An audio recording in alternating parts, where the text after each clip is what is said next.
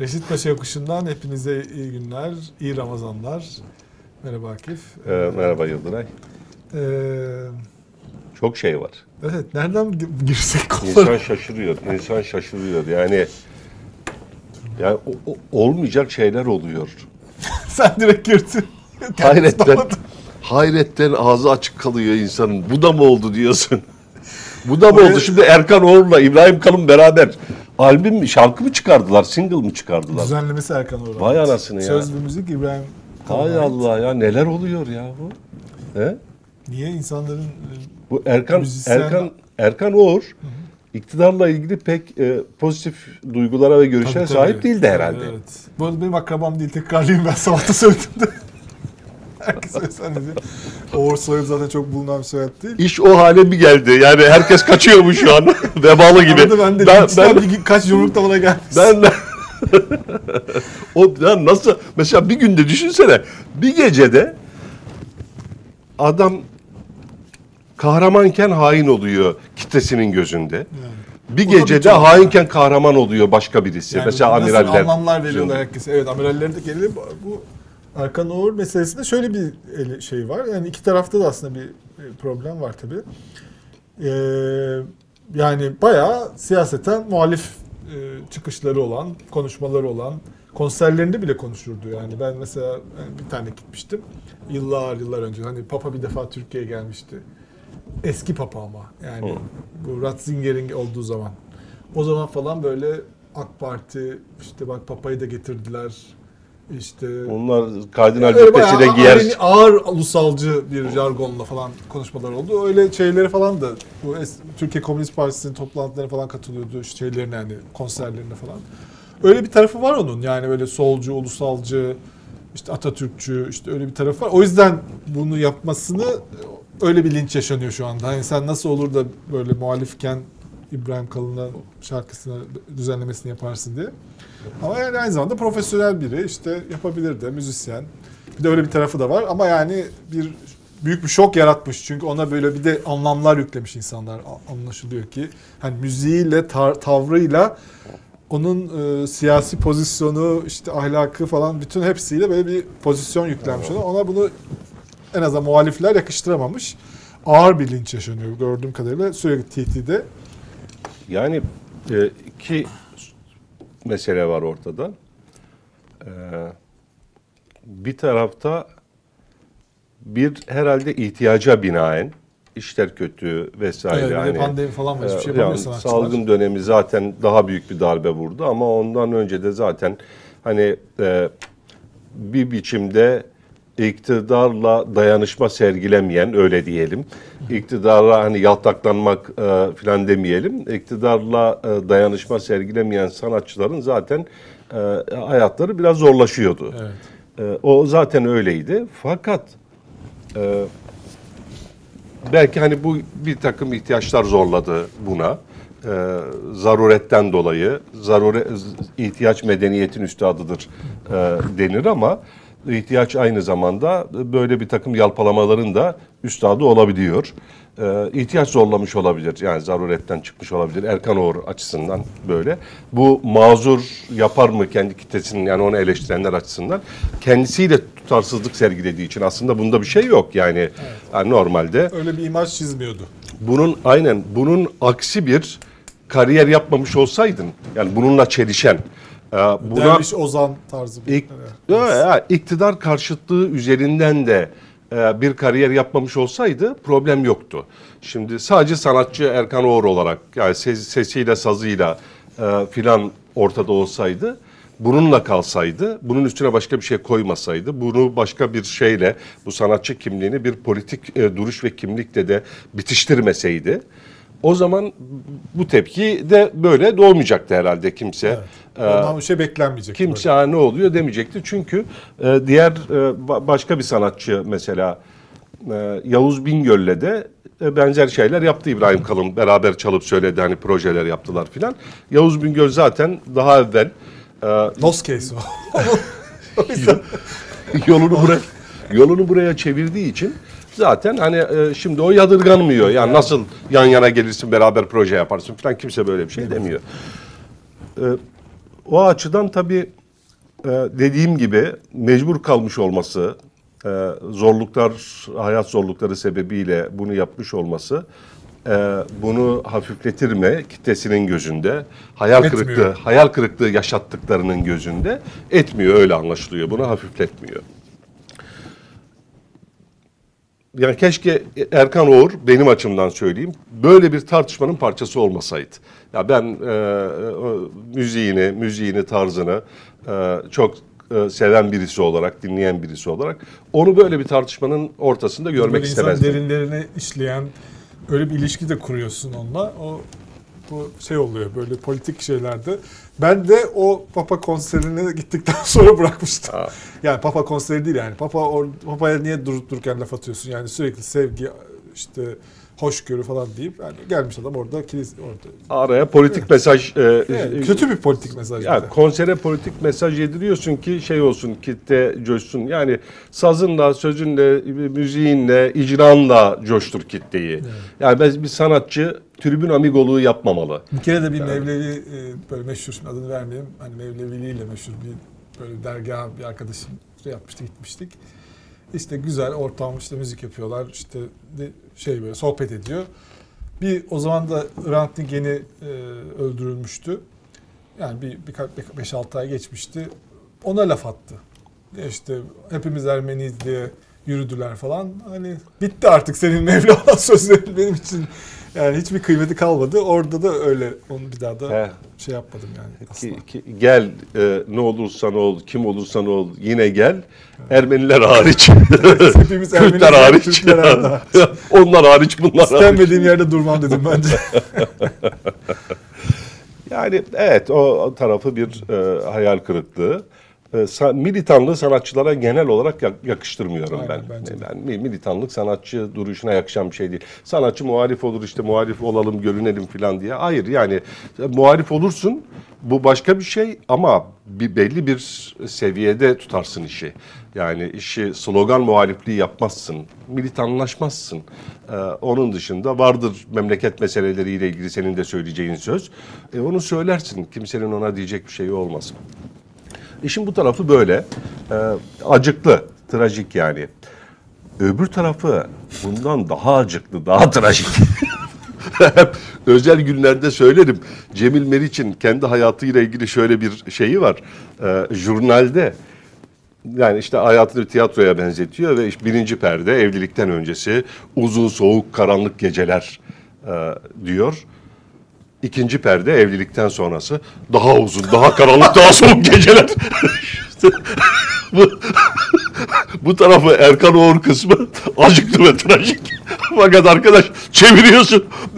Öbür tarafa geliyorsun daha, daha acıklı, daha trajik. Bu ne be arkadaş? Allah aşkına bu ne? Açacak mısın artık o konuyu? Açacağım İbrahim Kalın kısmı. yani yani e, çok çok yönlü bir entelektüel olmak güzel bir şey. Tıpkı duygu geçiren, e, hissettiren bir sanatçı olmanın güzelliği gibi. O ne kadar güzelse bu da öyle o kadar güzel. Yani hem saz çalıyorsun, hem söylüyorsun, hem beste yapıyorsun, hem kitap yazıyorsun. Hem aynı zamanda e, bürokratlık, bürokratsın, sözcüsün, e, hem politik kariyer gözlüyorsun. Öyle mi diyelim? Kovalıyorsun, peşindesin. Nasıl? Politik kariyer amaçlıyorsun. Amaçlıyorsun diyelim. Yani çok yönlü olmak güzel bir şey. Fakat bu yani bu kadar koltuk bir karpuza bu kadar zaman yani nasıl bir iş şimdi full time bir iş yapıyorsun full time bir iş Ee, doktor olarak başlıyorsun belli bir süre sonra full time bir işin var ve bu üniversitede akademisyenlik değil doktor ünvanın profesöre dönüşüyor prof oluyor yani üniversitede ders vermen, kitaplar, yayınlar yapman, kitap yazman falan gerekiyor bunun olabilmesi için. Aynı zamanda albüm projeleri yapıyorsun, klipler çekiyorsun. Ee, aynı zamanda kitaplar yazıyorsun. Ama full time bir işin var, memleket meselesi Tamam, ve işin biliyorsun. İmkanlar e, full yani.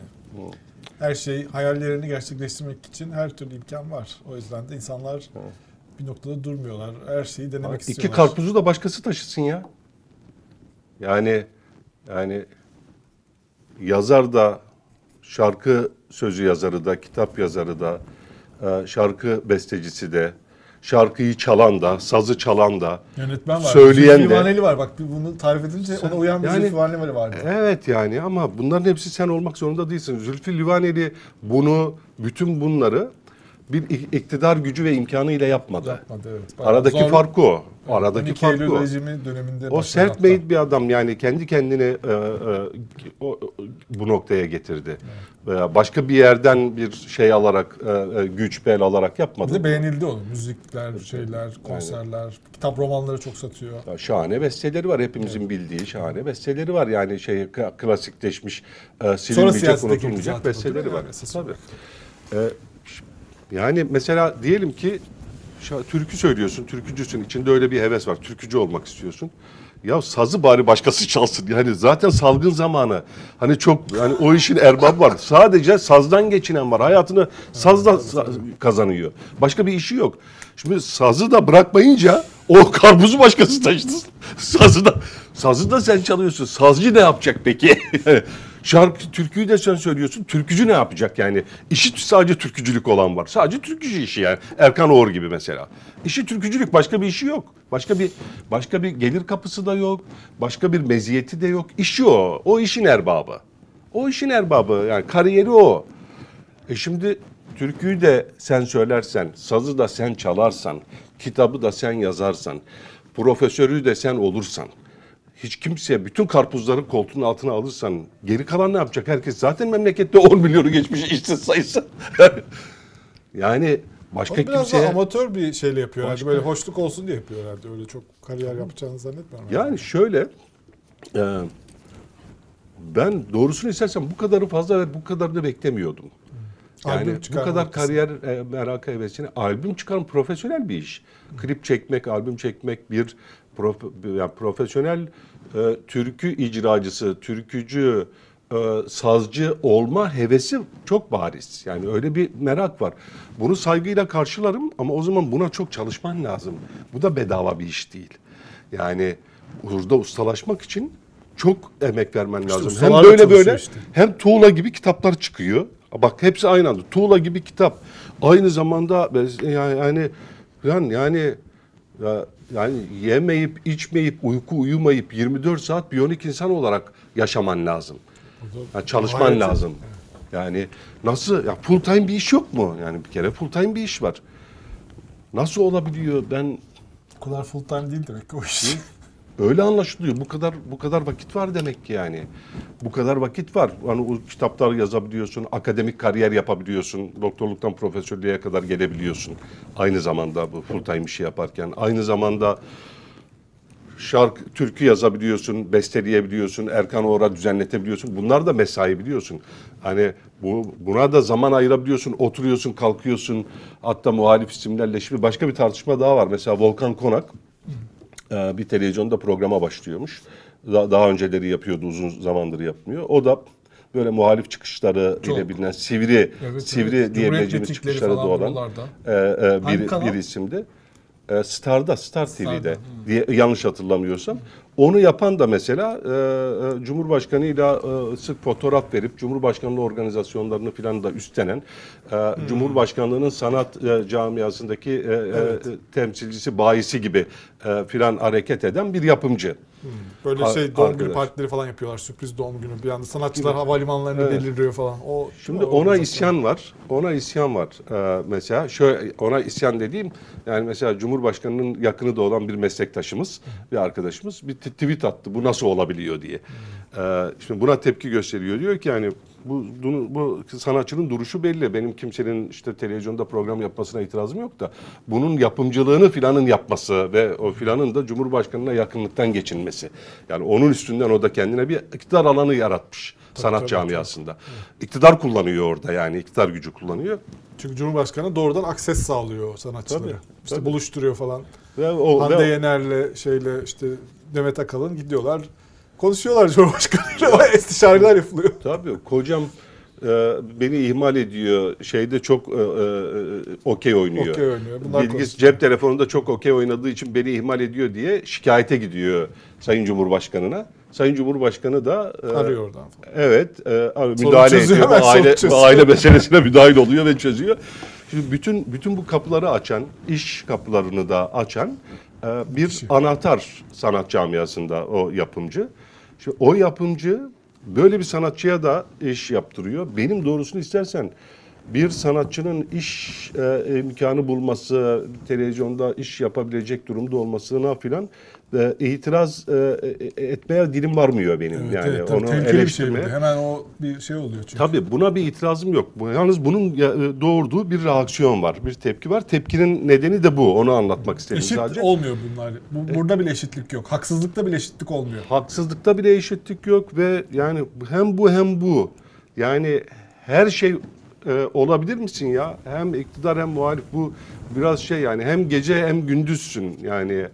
E, tersi de düzü de sensin. Kimseye başka bir şey bırakmıyorsun, başka bir alan bırakmıyorsun. Yani bu bu biraz fazla değil mi ya? Yani kariyer planlaması açısından da doğru gelmiyor bana. Ya mesela bende bir tane şey var. Ee, ATV'de yayınlanan böyle bir dizi var Akıncı diye. Bayağı bir propaganda dizisi yani siyasi şeyler var içinde işte böyle bir Türk süpermeni gibi bir karakter işte Amerikalılara had bildiriyor işte hani böyle bayağı ulusal milliyetçi bir karakter gibi.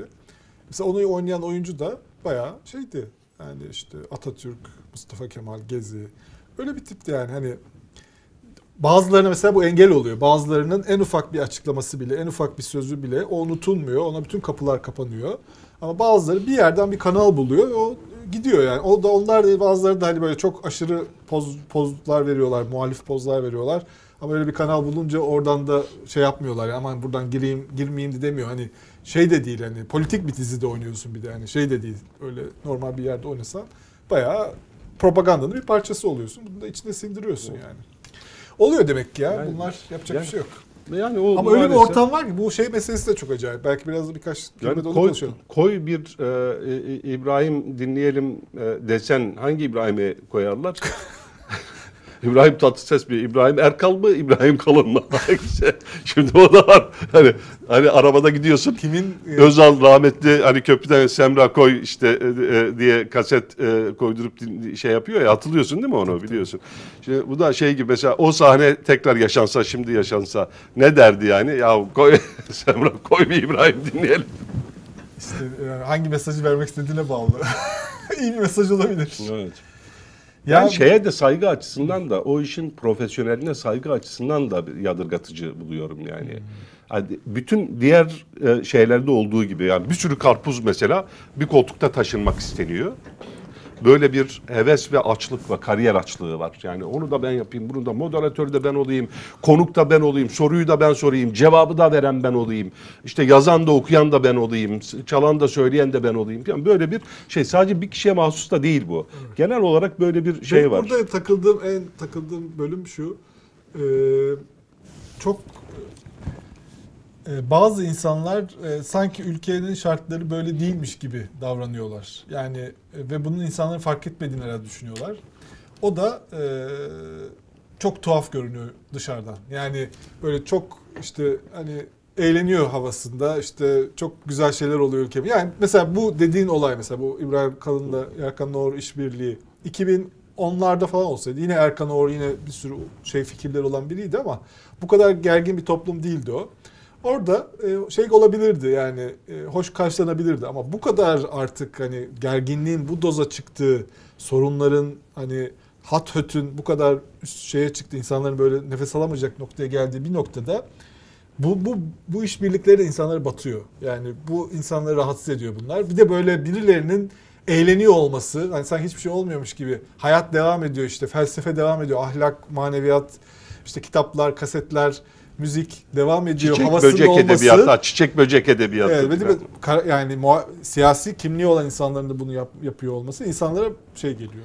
Ya bir yandan geliyor. fakir fukaraya dağıtmak için depolarda bekleyen soğan ve patatesler devlet tarafından satın alınıyor ve törenlerle çuval çuval fakir fukara sıraya sokulup fakir fukara sıraya sokuluyor bu Evet. arada. Sıraya konuyor. Kaymakam Onlara- böyle veriyor Ha, falan. törenle, merasimle çuval de, de- e, e, e, hibe ediliyor. E, patates ve soğan, konuşmak çuval zor çuval. ülkede. Yani konuşmak zorken mesela bir, diyelim bu ülkede şu anda bir sürü insan, yazarlar, bir sürü hapiste olan insanlar var. Ahmet Altan işte 4 yıl 7 aydır içeride. Bir sürü insan konuşamıyor, gazeteciler işsiz kalmış. Bütün billboardlarda e, senin ilk kitabının ilanını görünce ülke e, o kitaptaki o neydi işte bir takım kelimeler de var ya böyle marifet, Erdem, fazilet, onların erdem, olduğu bir fazilet, ülke olmuyor insan işte. olmak, ahlaklı olmak. Olmuyor. Onun bir tartışma da olmuyor. Belki onun entelektüel bir kıymeti de var. Yani normal bir ülkede onun entelektüel kıymeti de teslim edilir. Üzerine yazılar yazılır, eleştiriler yazılır. O da olmuyor. Sadece gücü elinde bulunduran insanların her şeyi yapabilmesi olarak görünüyor benim gözüme. Yoksa bir prestijli bir şey de olmuyor yani. Eski, eskiden e, başbakanlıktayken e, benim de kitap yazdığımı zannedenler var. Uyku uyumaya vakit bulamıyordum. E, o ta- tarihte de piyasada olan yeni baskıları yapılan kitaplarımın hepsi ondan önce yazılmıştı. O tarihte yazdığım bir kitap yoktur. Öyle şeyler oluyor çünkü sen de işte kitap yazmıştın falan. Yok hayır yani o tarihte herhangi bir kitap yazmamıştım.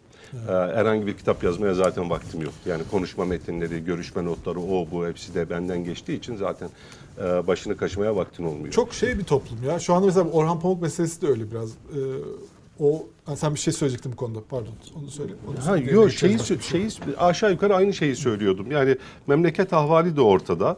Ee, yük ağır. Yani şimdi sorumluluk mevkiindeysen, sorumluluk üstleniyorsan topluma karşı e, ahlaki e, sorumluluğun varsa e, bu şartlarda onu omuzlarında hissetmen gerekir. Bunun da seni biraz tutması gerekir. Ayrıca güçle imkan sağlayarak ilişki kotarmak da bana sorunlu geliyor. Yani ahlaki açıdan. iki taraf açısından da çok üzücü buluyorum. Sadece buna mecbur kalan taraf açısından değil. Sanatçı buna mecbur kalıyor artık. Yani bütün yolları e, kapanmış. Gidecek hiçbir yeri kalmamış. Böyle kala kalmış ortada. Sazıyla ortada duruyor. Böyle duruyor. Şimdi artık çaresi bir gün herhalde e, yılıyor, bir gün pes ediyor, havlu atıyor ve mecbur kalıyor böyle bir teklife evet demeye. Ya bu, bu durumu istismar etmek, bu çaresizliği istismar etmek de bana çok sorunlu geliyor. Yani buna mecbur kalan açısından da e, acıklı, trajik ama ya bunu istismar etmek, mesela bundan yararlanmaya kalkmak filan. Bu da ya çok sorunlu değil mi arkadaş ya? Bana mı öyle geliyor? Yani bunun nasıl ya bir insanın çaresizliğini istismar ediyorsun ya? Ya sanatçı sıkışmış. Ya bu Volkan Konak için de geçerli, Erkan Oğur için de adını burada şimdi hatırlayamadığımız, bilmediğimiz ya da durumunu e, bu kadar göze batmadığı için bilmediğimiz birçok başka Onların kişi Sabah için de geçerli. Günaydın'da bir röportaj şeyi var, köşesi var. Her hafta bir sanatçı oraya çıkıyor. Biliyorsun Mecbur röportajı. tabii ki şey Bir sürü şey soruluyor. Manşet ama hep aynı. İşte Cumhurbaşkanımıza gurur duyuyorum. İşte böyle bir dönem gelmedi. Ekonomik sorunlar abartılıyor. Berat Bey aslında çok çalışkan falan böyle diyen bir sürü sanatçılar var. Bülent Ortaç Serdar gibi bilmem Ortaç, ne. Serdar Ortaç Evet yani mesela değil mi? insanlar da oldu. Yani- Serdar Bağcan bile çıktı orada bir şeyler söyledi hatta. Yani Onlar bu- da tepki alıyorlar yani. Tepki alıyorlar çünkü herkes her şeyin farkında. Bunun hangi mecburiyetten doğduğunu herkes biliyor. Bu bir mecburiyetten doğuyor. Bu gönüllü, rızaya dayalı bir ilişki, birliktelik değil ki. Yani normalde Erkan Oğur adını böyle bir işe bir kere yani nitelik olarak bu nitelikteki bir işe adını koyar mı düzenle, düzenleme e, diye imzasını atar mı? Ben dinlemedim. Çok titiz, şarkıyı. çok titiz, çok titiz bir e, sanatçı biliyorsun yani. Evet. Özgün kendine has bir tarzı var vesaire filan ve Oğurlar olarak hep öyleyiz. Şimdi yani dolayısıyla bu mecburiyetin istismar ediliyor olması, iktidar güç ve imkanlarıyla falan bu bu da e, tabloyu daha da ağırlaştıran bir şey. Yani üçüncü bir tiyatroda üçüncü bir perde olursa daha daha trajik, daha daha acıklı, daha daha karanlık ve soğuk yapan bir şey yani. şey oldu. Ee, Orhan Pamuk'un romanıyla ilgili büyük bir kampanya açıldı. Ee, romanında kol ağası Kamil diye bir karakter var. Bir dönem aslında bir dönem romanı aslında. 19. yüzyılın sonlarında işte bir hayali bir adada yaşanıyor ama Abdülhamit var. İşte Abdülhamit'in işte paşalarından ismiyle orada olanlar var. Diğer karakter bazı karakterler işte, onun doktoru yani var işte e, yani dö- dönemin şartları anlatılıyor. Dönem orada da bir kol ağası var ki kol ağası bayağı aslında. Yani ben de roman okumaya başladım bu şey üzerine okumamıştım. Yani çok da güzel bir roman. Yani şey olarak yani akıyor yani. yani Okumadım ben daha. Genelde dili akıcı değildir Orhan Pamuk'un. Öyle. E, Bazı romanlar öyle değil. Yani ben çok sevdiğim romanları var. Bu romanı e, çok beğenerek okuyorum. E, bir de yazmak istiyorum bir de ne tartışma ne diye çünkü çok tuhaf bir tartışma bu. E, benziyor tabii ki evet. Kol ağası Kamil zaten Kamil Kemal e, orada bir Osmanlı kol ağası. E, onun işte şeydi hayat hikayesi de benziyor. Sonunda da zaten kurtarıcı oluyor, kahraman olacak. Yani öyleymiş yani tabii romanı şimdi okumuş o şey herkes konuşunca sonunda öğrenmiş olduk. Bir de cumhuriyet kuruyor falan yani böyle şey olarak benziyor ama adı değil. Başka özellikleri var. Hayalle gerçek arası bir şey olmuş. Ee, zaten olayın kendisi kurgu zaten. Bu bir edebiyat eseri yani. Yani bir Belgesel edebi- roman değil bu yani. Değil yani yani en mesela buna okurken mesela ben daha şu başlarındayım da ka- karşı çıksa biri Abdülhamit'i sevenler hani padişahımızı ne biçim göstermişsin diyebilirler. Abdülhamit ama yine yani böyle çok büyük bir hakaret falan yok ona. Yani kendi fotoğrafı içerisinde tarihteki şeyiyle çok da çalışmış yani çok belli. Yani bütün tarihsel karakterleri üzerine çok çalışmış. Yani mesela Hindistan'da nasıl hacca gidiliyor falan o sahneler falan bunların üzerine çalışmış ayrıntılar var. Çok keyifli yani. Çok çok Sürre alayları falan var mı? e, süre alayı yok. Yani bu bir o İstanbul şeyi yok yani bir adada geçiyor bu. E, O yüzden şey. Ha anladım. Hindistan falan deyince oraya kadar gid, gid, Yok gidiyorsa. or- oralardan AK Parti'nin yeni il başkanı biliyorsun kendimi payitahtın il başkanı hissediyorum dedi. O da ya payitahta da uğratmış olabilir e, e, hac yolculuğunu diye. Yani onları tarif ederken ki anlattıkları şeyler falan onlar mesela şey olabilir yani hani tepki de çekebilir. Yani ama sonuçta dönemin şartlarını anlatıyor. Çok tarihsel şeylere uygun. Oralardan bir tepki gelmedi ama. Yani belki o kesimdeki insanlar henüz romanın çok şey olmadığı için e, şeylerden geldi. Nasıl sen Atatürk'ü işte böyle şey yaparsın işte kargaları koval eskiden kargaları kovala, kovalıyordu falan gibi şeyler de var içinde. Kargaları kovalama Atatürk'le dalga geçen bir şey değil. Bu zaten okul kitaplarında vardı ve bunu aslında Atatürk'ün kız kardeşi Makbule Hanım'a dayanıyor. Yani o anlatıyor bunu ilk defa. Yani 1950'lerde o bir röportaj serisi veriyor. Atatürk'le ilgili bildiğimiz çok şeyi aslında Makbule Hanım sayesinde biliyoruz. O anlatıyor işte. Kargaları kovalama da bunun içinde. Yalan. O yalan değil yani. Olayın şeyi de var. Hani neresini daha oralara gelmedim tam da yazılanlara bakıyorum. Bugün Alper Görmüş yazmışlar serbestiyette. Yani Atatürk hakaret edecek şey nedir? Yani Atatürk'ün bir karakter olarak e, kamil olarak orada şey olması mı? Yani sonunda O- Cumhuriyet'te kuruyor. Orhan- Rahatsız olunan şey ne? Orhan Pamuk'un ağzına alması bile hakaret e, kabul ediliyor bir kesim tarafından. Yani sen nasıl yani? Atatürk'ün adını ağzına Şu çılgın alırsın? Türkler gibi mi olacak yani roman yani? Hayır bu, bu kısımları şey yaptım da bu kadar büyük bir kampanya açıldı ki ilk defa ben hayatımda bir e, yayın evinin Açıklama yap. açıklama yaptığını şey Razar da açıklama yapıyor diyor ki benim karakterime ben hakaret yok orada. Benim için bir kahramandır Kahraman. diyor. Benim için yani bir kahramandır. Alt yazı geldi yani romana. İnanılmaz ek gelecek yakında yani. Bunu söyletenler de şey diyor biliyorsun. Faşizm e, susturma değildir. Söyleme mec- e, söylemeye mecbur bırakmaktır. Söyletme e, e, Neydi, şey, evet, baskısıdır. Ö- ö- öyleydi Evet. değil mi söz? Yani faşizm söyleme mecburiyetidir. Konuşma mecburiyetidir. Konuşma mecburiyetidir, söyleme mecburiyetidir. Ee, susmak Susturma değildir. değil. Evet, susturma değildir. E, şimdi söyle yani mecbur tutuyorlar. E, bunu söyleyeceksin. Ya vallahi çok severim Çok ben. Çok severim. Çok kahramanımdır. Bir de kendi Yani- karakteri ya, kendi romanı yani. Bir de diyor ki hayalidir diyor, tırnak içinde diyor. Yani hayali bir şey bu, farkında mısınız? Bir edebiyat kitabından bahsediyoruz diye. ya Çok acıklı gerçekten Ona- ya. Ben çok üzülüyorum artık Türkiye'nin bu hallerine. İnsanların hani bir kesimi tamam yani bir kesim iktidardaki şeylerini görüyoruz. Yani felaket. Bunun alternatifi olan insanların bir anda bu yani alternatif falan değil ya. Elinde sadece güç yok yani. Hani elinde güç olsa kitabı toplatacak gibi görünüyor yani. O Orhan Pamuk kitabı toplatılacak ha, gibi. bu anlayışın elinde iktidar gücü olsa Nobel toplatacak şey- diyorsun. şeyler falan açılıyor çünkü davalar falan açılıyor. İnsanlar gidip avukatlar falan Twitter'da yazıyor. Ben diyor işte gittim şey yaptım Atatürk hakaret da- şeyinden Orhan Pamuk kitabının toplatılmasını başvurdum diye millet altına bravo hocam işte teşekkürler Ahmet Bey falan diye. Ya, Böyle bir insan kitlesi var Türkiye'de. Anlaşılmaz olan şu. Niye eleştirmekte yetinmiyorsun ki? Yani eleştir orada bırak. Evet. Yani başka bir şeye ha- ha- hayat hakkı tanımamaya kastetmen gerekmiyor. Yani cana kastedecektin de tabii mecazen. hayat hakkı tanımıyorsun. Yani yaşam alanı bırakmıyorsun. De ki ben sana katılmıyorum. Yazını, romanını, kurgunu, dilini, edebiyatçılığını beğenmiyorum. Kaleminden hoşlanmıyorum. Fikrinle hemfikir değilim kitabında da şöyle şöyle yanlışlar, kusurlar, eksiklikler var de eleştir öyle düşünüyorsan. Eleştir bırak orada. Niye yaşam alanına kastediyorsun? Yani hayat Açıklama yaptırmaya zorluyorsun. Açıklama yapmaya sadece o da değil. Bu söylediklerin hayatı dar etmek e, işleri bunlar ya.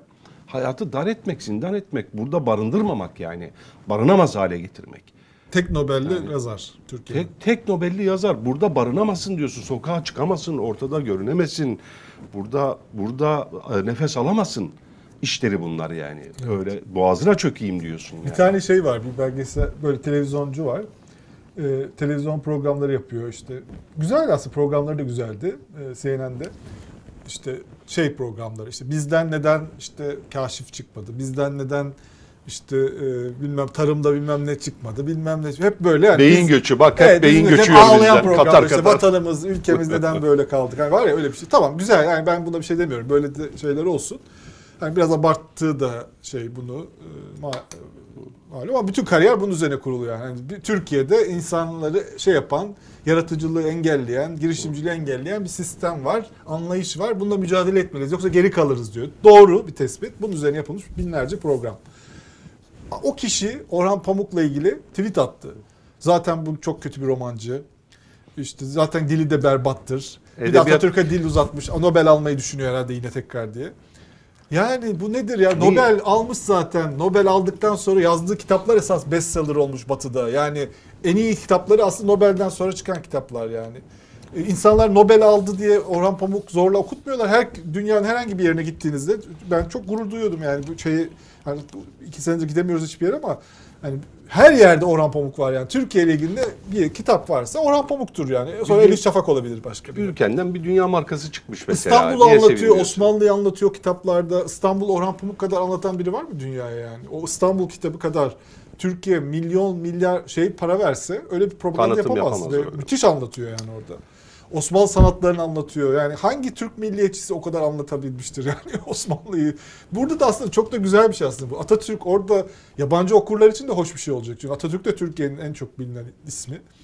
Yani bu karakter de aslında Atatürk'e benziyor diye. Çok da şey yani iyi anlatıyormuş onu. Bu da iyi bir şey. Atatürk'ün de tekrar gündeme gelecek. Bir roman Nobel yazarı Atatürk'ün benzer bir karakter yaratmış romanında. Cumhuriyet'in kuruluşunu bir şekilde anlatıyor. Çok hoş bir şey bu. Yani uzun zamandan beridir Türkiye'de fikri tartışmalar iki slogan arasına sıkıştı. O kadar sığ sularda cereyan ediyor. Yani bir sloganlardan birisi yaşa var ol, öbürü kahrol. Yaşasın ve kahrolsun sloganları arasında e, o ya- yaşanıyor, cereyan ediyor fikir tartışmaları. E, Buna fikir tartışması dersen tabii. Şimdi e, roman eleştirisi yapıyor mesela. Örnek veriyorsun arkadaşı. Diyorsun ki böyle böyle bir arkadaş işte böyle böyle bir e, şey söylüyor. Rom- Orhan Pamuk'un e, edebiyatçılığı ve romanıyla, son romanıyla ilgili. Edebiyatçılığını da kritik ediyor da. tabii yerden yere bu. Ama ama en azından insan derken ben hani ben bir okur olarak böyle diyorum der değil mi? Hani otorite ses otorite Yani bu ses tonuyla söylüyor. editörlerle değdirirken yani hani insan bir şey Hayır, olur, bir durur bu- yani. Bu niye böyle? Çünkü bir tribüne oynuyor. Evet. Ve onun Bir şey gereklerinden, icaplarından birisi bu. Orada bir tribün var. Lafı uzatmaya gerek yok. Onun istediği şeyi söylüyorsun.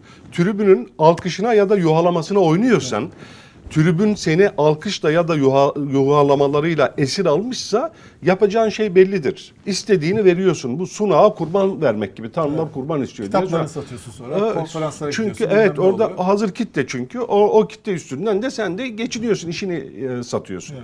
Şimdi onun için o, o kitlerin yuhalamalarıyla alkışlarıyla yaşıyorsan eğer ona tabiysen ona mecbursan o zaman yapacağın şey belli. O kitlenin e, o, o yaşamasını istemediği, ölmesini istediği için kahrolsun sloganı patlatacaksın. Batsın yere batsın böyle roman. Kahrolsun Orhan Pamuk diyeceksin. İşine tükürürüm böyle romanı. Bu kadar. Başka bir şey demene gerek yok. Edebiyat eleştirisi, kitap eleştirisi, roman daha Had bilmek başka, de yok. Yani Geniş bir yerde. edebiyat eleştirmeni de değilim demek de yok. Ee, Eğer o şey e, o tribün e, şeyse alkışlıyorsa, yüceltmek istiyorsa onun yüceltmek istediğine de yaşasın, Hay bin yaşa aklınla. Hay işte Başyapıt, cesur kalem. Başyapıt. Gelmiş geçmiş en bilmem ne filan. Böylesi yazılmadı. Su gibi akıyor. Su gibi. Sular seller gibi akıyor. Büyük bir selaseti akıcılığı var. Böyle bir akıcılık kimsede yok filan. Ee, Nobel sana kurban olsun. Zaten oradan anla bu Nobel'in e, bir e, hülle işi olduğunu, bunun bunun e, bir sahtekarlık olduğunu oradan anla. Eğer gerçek bir ödül olsaydı ve hak edene, layık olana veriliyor olsaydı en önce sen alırdın onu. Hay bin yaşa diye. Yaşasın bilmem kim. Sloganını patlattın mı tribünden istediğin cevabı alırsın. Alkışın gelir. Alkışın gelir. Yuhalatmak istediğine yu- yu- yuhalamalar gelir. Ondan sonra sen de ticaretine devam edersin. İş geldi. Hayatlarımız geldi. Bu iki Müthiş slogan arasına sıkıştı. Maalesef öyle. Maalesef öyle. Sanatçısı bile kendini tribün amigosu zannediyor. Tribüne o amigoluk yapıyor. Arkadaş sazını çal, şarkını, türkünü söyle. Öbürü de e, şey yapıyor, yazarı da tribün amigoluğu yapıyor. Bu bir mecburiyete döndü. Öbür türlü ya e, şey yapamıyorsun, e, çarkını çeviremiyorsun, idame ettiremiyorsun hayatını. Çünkü e, çok baskın, dominant bir rol oynuyor artık tribün ve sloganlar hayatımızda. Popülizm, bir çeşit Maalesef. popülizm hakim. Bir çeşit aynen popülizm yani. Aynen memleketin en büyük belası. Şimdi biz bu programı e, izleyenler e, bundan 10 gün öncesini hatırlarlarsa bu insanlar niye bu bunlardan sanattan işte edebiyattan bahsediyor diye düşünebilirler. Çünkü biliyorsun 10 gün önce Türkiye'de az kalsın darbe oluyordu. Yani e, herhalde 15 Temmuz'dan sonraki en ciddi darbe teyakkuz hali yaşandı. O cumartesi gecesi amiraller bildirisiyle. Neyse ki ucuz atlattık yani. Evet. Kı- Kıl payı şey. Yani amiral neydi? Darbe imalı bildiri, darbe e, Te, imalı, te- çağrışımlı tehdit. çağrışımlı, falan. evet, çağrışımlı bildiri e, idi adı. Bütün kurumlar açıklama yaptı. Herkesler çıktı. İşte şey hesaplandı. işte 103 gün kalmış 15 Temmuz'a demek ki bunlar 103 gün mesaj veriyorlar 103 zaten sonra 104 oldu ortaya çıkıp bu ebced hesabı çöktü ama böyle şeyler yani ciddi ciddi en kurumların tepesindeki insanlar yazdı. Yargıtay açıklama yaptı, Danıştay açıklama yaptı. İşte jandarma, emniyet, Her Her türlü- herkes teyakkuz haline geçti yani. Her Böyle türlü darbe karşıtı slogan patlatıldı. patlatıldı. Kurumlar vesaire Adam, yaptı. amiraller gidip e, bir sonraki gün şey oldu. Gözaltına alındı 10 tanesi. Sonra 4 tanesi daha geldi. 14 tane amiral gözaltındaydı. Yeni Şafak gazetesi bir gün önce e, şey yaptı. İşte bir, bir yarım sayfa bildiri yayınladı. Cumhurbaşkanı konuşmalar yaptı. Eşlerinin, çocuklarının CHP'li olması haber oldu falan. Yani inanılmaz bir şey yaşandı. Fakat bugün geldiğimiz noktada hiçbir şey kalmadı geriye. Çok acayip değil mi? Yani biz Hepsi çok alıştık. Yani neredeyse hani böyle tanklar sanki çıkmış da darbe oluyormuş havasındaydı Türkiye. Hani öyle açıklamalar öyleydi, o tonlardaydı. Ama herkes serbest bırakıldı. Meğer darbe değilmiş. Mermer darbe imalı değilmiş. Evet. Öyle bitti yani olay. Bu mu yani? Sen de yazdın Vallahi- bugün. Evet. Şunu gösteriyor. Bu bunun gibi birçok örnek var. Tek örnek değil bu. Değil. Yani Ama bu bayağı şiddetli yaşandı o yüzden diyorum. De- doğru haklısın. Bu ama başkaları da mesela casus işte şey yapıyordu ülkemizi öyle yapıyordu böyle yapıyordu filan unutuyordu, e, e, şeyleri yapılıyor. Yaygarası basılıyor. Bir kıyamet kopuyor filan. Sonra abi bakıyorsun Uçağa binip gitmiş casus. uçağa binip gitmiş. Ya bizim Dışişleri Bakanımız biliyorsun e, Brüksel'de 2017'de bir basın toplantısında birkaç kere söyledim bunu. Bir basın toplantısında şöyle bir şey söyledi. Artık gazetecilik kisvesi altında casusluk yapmak moda oldu e, şimdi son zamanlarda. Biz de yak- yakalıyoruz böylelerini. İşte geçen de e, iki tanesini yakaladık. Ülkesinden telefon edip işte rica ediyorlar. İşte filan aradı, işte Macron aradı rica etti. Bıraktık mesela. Filan işte filan da şimdi bir tane de işte Alman tuttuk filan. O da zaten rica edildi, o da bırakıldı. Ya rica üzerine bırakılan casus sen dünyanın neresinde gördün duydun Allah'ını seversen ya. Rica üzerine bırakılan casus. Yani böyle şeyleri bir de çok olağan, çok doğalmış gibi söze dökebiliyoruz. Yani yetkililerimiz bunları ağızlarından çıkanı kulakları duymuyor herhalde. Bunu söyleyebiliyorlar. Yani ya gerçek casus olsa telefonla bırakır mısın? Tarafsız bağımsız yargın nerede? Suç e, ile mücadele böyle mi yapılıyor senin ülkende? Yani casus yakalıyorsun. Daha büyük şey olur mu yani? Bir de Ülkene karşı işlenmiş suç. şöyle bir propaganda yapılıyordu. Yani iktidar medyasından bazı arkadaşlar böyle bir şey olunca mesela casus deniyor mesela birine sonra bırakılıyor. Siz bilmiyorsunuz e, karşılığında neler neler olacak, neler kimler gelecek karşılığında. Onlar da gelmiyor. Böyle bir şey de olmuyor. Unutuluyor onlar. Hiçbir şey. Hepsi insan, Boşa gidiyor yani. İnsan hakları aktivistleri vardı. Onlar da casus diye kaos planları yapıyorlardı. Darbenin 15 Temmuz'un devamını yapacaklardı filan. Yani ilk duruşmada gittiler. Hepsi gitti. Öbürü gitti. Manşetler bilmem Brunson ne lekelenme CIA başkanı hattı. olacaktı falan diyorlar. Şey, ya ne saçmalıklar, ne Şimdi kilisesinde dua ediyor şu anda Brunson ne bir şey. maskaralıklar gördük. Şimdi burada da yani sadece bu tekil örnek olsaydı böyle çok örnekler yaşanmamış olsaydı derdik ki ya kardeşim travmalarımız var. Dolayısıyla çok çabuk e, vehme kapılabiliyoruz toplum olarak. Siyasetimiz de öyle. Bunun haklı sebepleri var. Çünkü daha bak yakında yaşanmış gerçek bir e, darbe ya alçaklığı var.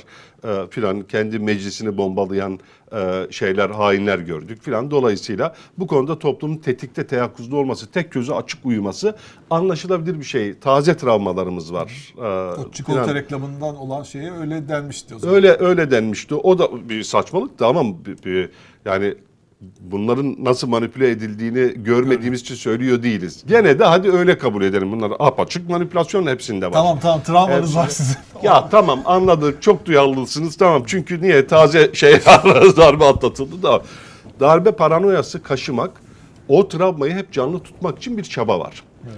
İşte bu bilinçli Güzel olarak yapılıyor. Bir bilinç bu bilinçli olarak yapılıyor. Bu kurgusal e, kurgulanarak yapılıyor bu. Planlı bir eylem yani. Bu her fırsattan bir şey çıkarılıyor. Bir darbe e, e, paranoyası kaşıma kampanyası çıkarılıyor. Böylece o paranoya diri tutuluyor ki aman bir yere kıpırdarsak, dağılırsak, hani bir an e, e, iktidarı e, e, e, yalnız bırakırsak, başımızı bu tarafa çevirirsek kurt gelip kapacak. Kurt hep kapıda. E, onun için aman aman yani dört elle sarılalım. Hani sakın ha gevşetmeyelim elleri.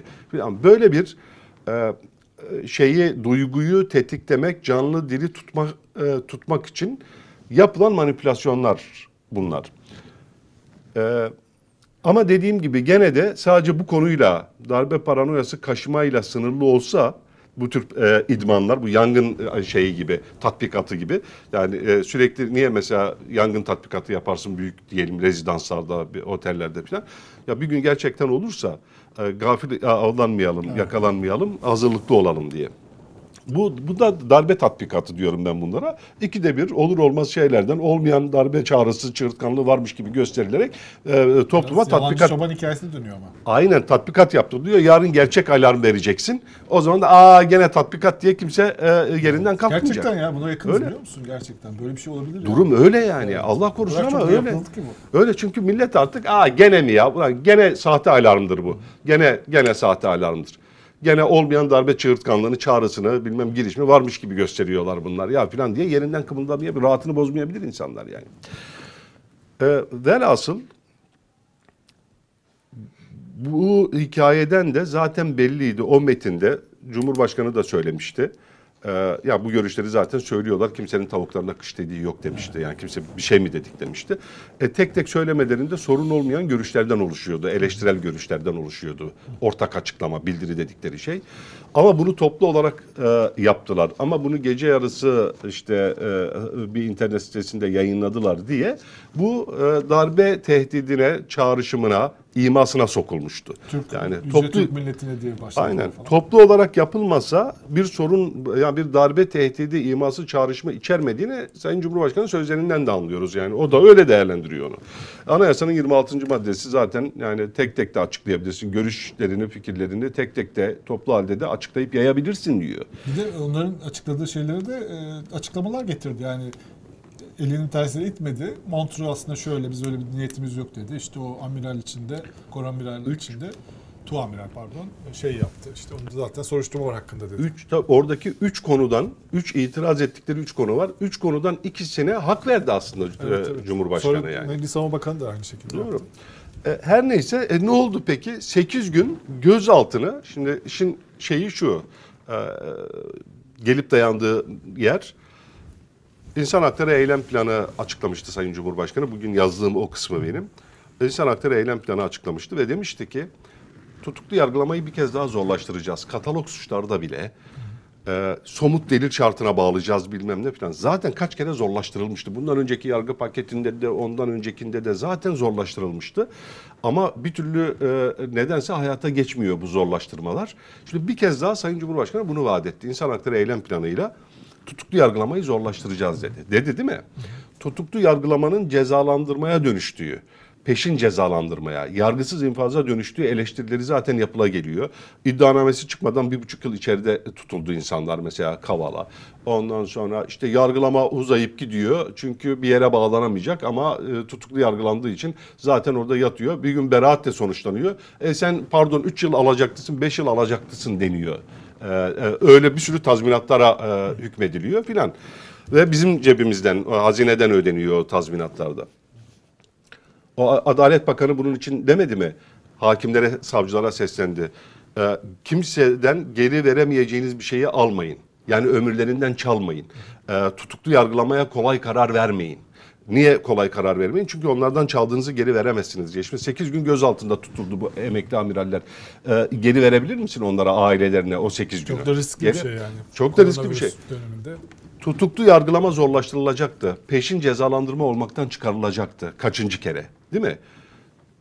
Ya onu beklerken biz gözaltı işlemi peşin cezalandırma olarak kullanılmadı mı şimdi bu olay? O, o- öyle görünmüyor mu? Uzatıldı ifadeleri 8 günde ifadeleri e, alınamadı. Poliste sorguları tamamlanamadı. E, istimi arkadan yetiştirmek için çünkü ortada hani delil vesaire de yok. 8 gün bir yandan da delil arandı. Ek süre gözaltı süresi alındı falan. 8 günden sonra savcıya çıkarıldılar. Toplam 4,5 saatte ifadeleri bitti savcılıkta. Toplam 4,5 saatte. Ee, ve salı verildiler yani aynı gün akşam. Hepsi zaten sadece birisinin tutuklanması istendi. Ee, onun da adli kontrolle serbest bırakılmasına karar verdi mahkeme. Elde hiçbir şey yok demek ki. Hiçbir şey Yazık günah. Yazık günah değil mi? Biz tutuklu yargılama, cezalandırma e, yöntemi olmaktan çıkarılacak diye beklerken bu vaat edilmişken e, şimdi bir de gözaltı işlemi mi artık cezalandırma a- aracı olarak kullanılacak? Bir, bir bu eksikti şimdi. Bir de bu mu çıktı yani? Evet. Yani çok tuhaf bir olay bu yani. Ee, yani tut denediler de olmadı mı? Yani bunu böyle bir paranoya çevirmeye çalıştılar da tutmadı mı? Yoksa bunu böyle e, çok fazla ordu içinde şey olmasın yani rahatsızlık yaratmasın diye bu işin üzerine mi gitmediler? Yani bir şey yaptılar çünkü yani bayağı bir kampanya ile başladı bu olay. Yani çok sert bir kampanya ile başladı. Bir anda sönümlenip gitti. E, Şimdi gazetelere bakın bugün gazetelerde hiçbir şey yok neredeyse. Olmamış gibi böyle bir olay yani. Kendine mi bu böyle bir ülke olamaz yani. Bu çok hastalıklı bir hal yani. Bu 10 gün önce konuşulan şeylere bak. Şimdi patates konuşuluyor. Darbeden patatese geçtik. Geçen sene patates, soğan ne? Soğan vardı. Çetecilikti geçen sene. Soğan çetesi ekonomimize saldırı düzenliyordu. Yani te- terör örgütü olmakla Şimdi işbirliği, suçlanacaklardı işbirliği neredeyse. yapılıyor onun çet, şeyli, çeteyle.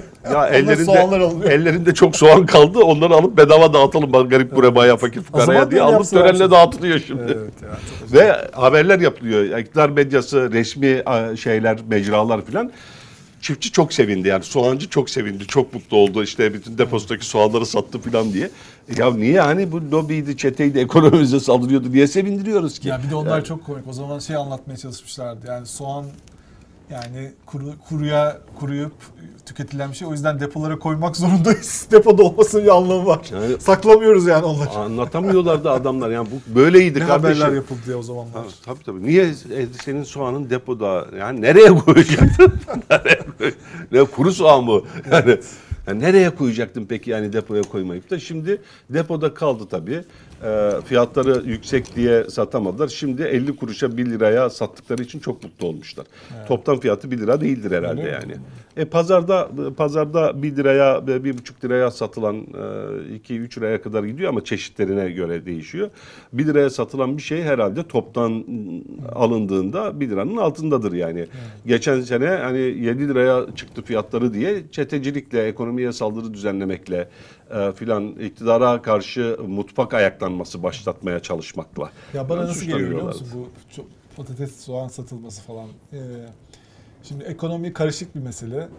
Onun için bir emek sarf etmek lazım. İşte bir yani bir şey yani bir disiplini var. İşte ona göre davranacaksın. Yani onu yapamadık. Onu yapamadıkça belediye başkanı tarzı işte soğan getirtelim. İşte tanzim satış mağazası yani fiyatlar mı çok yükseldi? Yani onu çözemiyoruz. Enflasyon hani olmuyor yani. Bu- Bu dedik dedik olmadı. Gel gel sıraya gir buradan al gel. Yani biz böyle tanzim satış bak aklımıza ilk gelen fikir bu bununla çözelim falan. Böyle bir şey yani bu. Hani en iyi bildiğimiz alan bu. Yani yardım işte bunları organize bu da bir organizasyon işte. Ama öyle büyük işte insanların ekonomiyi sorun çöz, insanların milli gelir artsın, soğanı kendileri gidip patatesi istedikleri kadar kaç kiloysa törensiz, e, kaymakamla e, karşılaşmadan, pazardan nereden alacaklarsa alsınlar değil. Ona yetmiyor güç, yani kapasite. E, olamıyor yani o bir türlü orada bat- batmış durumda. Ama biz böyle bu sorunları böyle çözeriz yani. Onu da şimdi şey de gelir. Yağ da getirtiriz, şey de getirtiriz size. Yani bu böyle olmaz ya. Ve çok bu- acayip bir şey bu. Yani bu görüntüler nerede var ya? Tamam hani herkes şöyle diyor ya yani çok da yoksulluk var. E ne yapalım yani dağıtmasın mı? Dağıtsın da yani. Bu mudur ya? bir de- Devletler böyle nerede yapıyor böyle bir, Bir şey? de gösteriyle dağıtılıyor. Şovla, alayı valayla çok iyi bir iş yaptırıyormuş gibi. Hani ya arkadaş fakir fukaran var. 10 milyon işsizin var. Ya ekonomi, enflasyon, dönmez ki bu iş. enflasyon, faiz, dolar hepsi birden kontrolden çıkmış. Nasıl başardın? Hepsi birden. Yani normalde bö- böyle olmaz yani. Yani hepsi birden ya. Ve onunla ilgili Nasıl şey de başardın? yapamıyorsun. Yani bir Nasıl? adım atmışsın mesela bir tane yeni e, Merkez Bankası Başkanı o biraz toparlamış. Onu da görevden alıyorsun falan. Tabii. Ya normalde faizi yükseltirsin, dolar düşer. Faizi yükseltirsin, bilmem işte o olur. O arada enflasyon düşer, enflasyon faizi de aşağı çeker filan. Yani sen faizi yükseltiyorsun, dolar da yükselmeye devam ediyor, enflasyon da yükselmeye devam ediyor, enflasyon yükseliyor. Merkez Bankası rezervlerini e, tüketiyorsun. Dolar daha da yükseliyor. Tabii. 2 lira fazla yükselmiş Tabii. o satıştan sonra. Tabii tabii yani 128 milyar dolar yakıyorsun. Nasıl bir yanlış para politikası in- da inat ettiysen düşün oradan hesap et yani. Öyle öyle yanlış öyle yanlış bir para politikasında inat etmişsin ki işi inada bindirmişsin ki 128 milyar dolarlık rezervleri bu uğurda harcıyorsun, yakıyorsun. Doları frenleyemiyorsun. E, e, faizi düşük tutacağım enflasyon inecek diyorsun. Enflasyon da patlıyor faizde. Ve hala ısrar ediyorsun. Hayır ben Evet. fikrim doğruydu diyebiliyorsun. Ya biz bu yani. sabah şeyi konuk ettik. E, Bir karar verdi. Nesrin Nas'ı. E, Eski işte bir dönem bakanlıkta yapmıştı. Milletvekili, ANAP Genel Başkanlığı yapmıştı. En son 2001'de yani 2001-2002'de artık milletvekili de olamadı, seçilemedi. E, O bir belgesele konuştu. İşte bir belgesel var ya bu çok şu anda çok tutan bir belgesel. Tarih tekerrürde ekonomiyi anlatan. Orada sözleri de çok konuşuldu falan. O belgeselin altında çok fazla böyle yorumlar yazıldı. İşte gençler işte ben de ümitsizdim diye böyle 25 bin tane yani okuyunca insan gerçekten gerçek isimleriyle insanlar yazıyorlar. Onun üzerine dedik ki ben o dedi yorumları oku, okuyunca hüngür hüngür ağladım dedi. Yani bağıra bağıra ağladım ve kendimi sorumlu hissettim. Yani ben de çünkü bu ülkede bir dönem e, yönetici sınıfındaydım. İşte milletvekili yaptım. Kendimi sorumlu hissettim ben bu sonuç yüzünden. e, Şu anda geldiğimiz nokta yüzünden. Yani kendini sorumlu hisseden kişi bundan 20 yıl önce bir görevde bulunmuş. O da bir- tam bir şey yöneticilik görevi Yani- falan da değil yani. Yani bir Türk- partinin Türk- işte Türk- Türkiye milletvekili yaz- yapmış. Türkiye yazsın, bestelesin, düzenlemesini de Erkan Oğur'a yaptırsın, rahatlar. Kendini sorumlu hissediyor ya, yükü hafifler yani. Yani inanılmaz. Kimse kendini sorumlu hissetmiyor. O kadar hiçten de söyledik yani kendini sorumlu hissettiğini. Yani 20 yıl önce görevde olmuş biri bile böyle hissediyor ama bugün kimse bu 128 milyar dolar nerede diye basit bir soru soruluyor yani. O kadar tuhaf cevaplar veriliyor ve cevap verilmiyor hatta. Verilmiyor. Afişler toplatılıyor ve e, savcılığa çekiliyor afişleri asanlar, siyasiler. Yani 128 milyar dolar nerede diye sorulamayacak mı ya? Bir de parti, millet parasının partinin hesabını merkezinden soramayacak kop- e, afişler e, gece Viç'te söküldü. Ya Ya, o- bu mesela seçim kampanyasında CHP mesela diyemeyecek mi ya da Gelecek Partisi, DEVA, işte İyi Parti diyemeyecek mi? Rezervleri 128 milyar- heba evet, ettiler. Direkt ne polis mi müdahale edecek o sırada? Bir de eleştiri de değil biliyorsun. Yani sadece şey yapıyor. E, sadece soruyor orada. Soru var daha. Soru var. Soru var. Yani başka yerlerde afişten bahsediyoruz. Tabii ki eleştirisini de yapıyor aynı zamanda o afişi asanlar ama afişte bir şey yok yani. Afişte sadece, soru var. Cumhurbaşkanlığı şeyinin süliyeti var Beştepe'nin. Ama zaten Beştepe yönetmiyor mu Türkiye şu anda? Yani kime kabine yani sisteminde değil, kabine Yıl, yok. Yıldıray nereye bağlı. nereye düşürdün 128 milyar doları? Bir sağına soluna baksana orada unutmuş olmayasın falan diye. Bunun hesabı Yıldıray'a sorulacak değil ya. 128 milyar dolar nerede Yıldıray denecek değil ya. Ya kime Seçimlerde de soracaksın yani? bunlar Belki orada mı bırakmışsındır. Bir baksana soluna bak. Hayır, seçim kampanyasında muhalefet ne diyecek mesela? Cumhurbaşkanına yönelik her sözün e, müdahale mi olacak? Böyle pafişler mi toplatılacak? hakaret, hakaret say- sayılacak. Yani Parti başkanı sonuçta seçime girecek. Mesela Cumhurbaşkanı aleyhine CHP bir pankart atsa demek kaldırılacak yani böyle. Böyle seçim mi olur ya? Yani böyle demokrasi de olmaz. Bu olacak şey değil. Bütün bütün yapılması gereken savcılara dönüp yani siz demokratik hukuk devletinin savcılarısınız. Burası ileri bir demokrasi hatırlatması yapmak ama kimse bunu yapmıyor. Normalde iktidarın, Cumhurbaşkanlığının, Beştepe'nin bu işlemleri yapan savcılara dönüp demesi lazım. Siz ne yapıyorsunuz ya? Yani Sanki tam burası tersi denmiş buz gibi. cumhuriyeti mi? Tam Burası tersi buz- denmiş Aynen. gibi. Bu konudaki hassasiyet bana onu gösteriyor. Biz çadır devleti değiliz denmiyor mu? Biz kabile devleti de- değiliz denmiyor mu sürekli? Ya biz çadır devleti miyiz, kabile devleti miyiz? Ne yaptığınızı zannediyorsunuz siz? Burası de, e, Avrupa'dan, gelişmiş demokrasilerden daha ileri bir demokratik hukuk devleti. Böyle denmiyor mu? Nasıl oluyor bu? E, diye savcılara hem de açıktan mesaj vermeyi gerektiren bir durum var. Ama sen diyorsun ki sanki tersi söylenmiş gibi. Yani bu 128 Kapalı milyar olarak. dolar afişleri asılmasın denmiş gibi yani. Yoksa kanun hiçbir tarafı yok bunun yani. Hiçbir şekilde kanuna olabilecek bir tarafı yok. Öyle bir güç Suç yok, olabilir. şey yok, hakaret yok, hiçbir şey yok. Bayağı parti merkezi. Billboard'a diyelim müdahale et. Onda da hiçbir şey yok. Yapamazsın yani bunu. Billboard'a nasıl müdahale edebilirsin ya? Partiler billboard'da kullanmayacaklar mı? Ama parti kendi binasına bile müdahale ediyorsun. Bu böyle demek ki bir şey var. Yani valilere, Evet. savcılara böyle bir talimat gitmiş. Bunun böyle bir afiş olmayacak denmiş. Öyle anlaşılıyor. Bunun, bunun hukukla, demokrasiyle falan alakası yok. Üstelik daha yeni hukuk ve demokrasi reformları ilan edilmiş. Niye? Hukuku, demokrasiyi düzeltmezsek, kötüleştiği kabul ediliyor zımnen. Düzeltmezsek ekonomi de toparlanmayacak, düzelmeyecek. Ee, kim söylüyor bunu? Sayın Cumhurbaşkanı'ndan Adalet Bakanı'na, Hazine ve Maliye Bakanı Elvan'a kadar hepsi söyledi. Yani bunu da, şimdi bu uygulamalar aynı zamanda neyi gösteriyor bize? Nasıl yoksullaştığımızı. Evet. O pankart söküldükçe biz da soğana, e, kuru soğana ve patatese daha muhtaç hale geliyoruz. Bedavasına tabii. Hibe edilen yani pazardan alınanına değil. Ona zaten yoksullaştığımız için giderek onu alma gücümüz eksiliyor. Kişi başına milli gelirimiz geri gidiyor. 10 yıl geri gidiyor. Niye geri gidiyor? Bu uygulamalar yüzünden. Niye e, ekonomi e, e, kötüleşti, onu iyileştirmek için e, demokrasiyi ve hukuku iyileştirmemiz gerektiğini söylüyor devlet büyüklerimiz.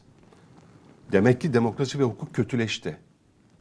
O kötüleştiği için de ekonomi de kötüleşti. Çünkü demokrasi ve hukukun olmadığı yerde bizim başka bir şeyimiz yok. Bunu finanse edecek petrolümüz yok. Demokrasisizliği ve hukuksuzluğu.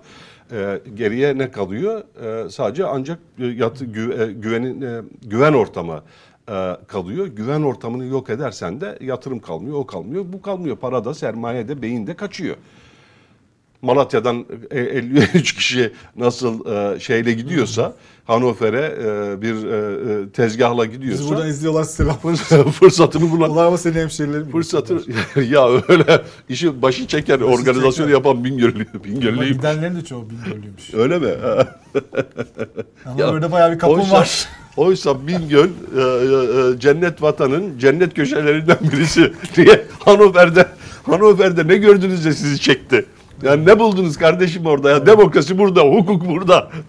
Çevresel Zenginlik burada. arttı, Zenginlik burada, refah burada. Ee.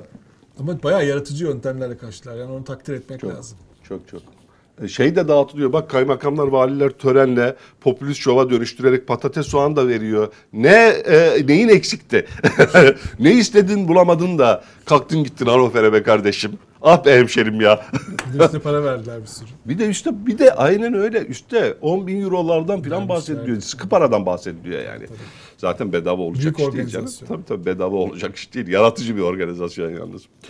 Ve velhasıl böyle fakirleşiyoruz. Yani nasıl yoksullaşıyoruz? Niye geri gidiyor? Nereden biliyoruz böyle yoksullaştığımızı? Bizzat devlet büyükleri söylüyor bize.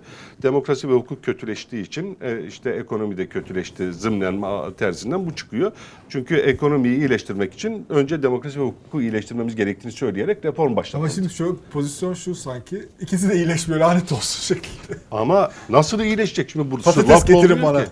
Lafla olmuyor ki bu. Reform başlatıyoruz iyileştirmek için ama uygulamada pankart sökmeye devam ediyoruz. Pa- orada da patates dağıtıyoruz. Söktüğün her pankart kişi başı milli gelirin geriye gitmesi demek. Çünkü paranın kaçmaya, yatırımın kaçmaya, beyin ve sermayenin göç etmeye devam etmesi demek.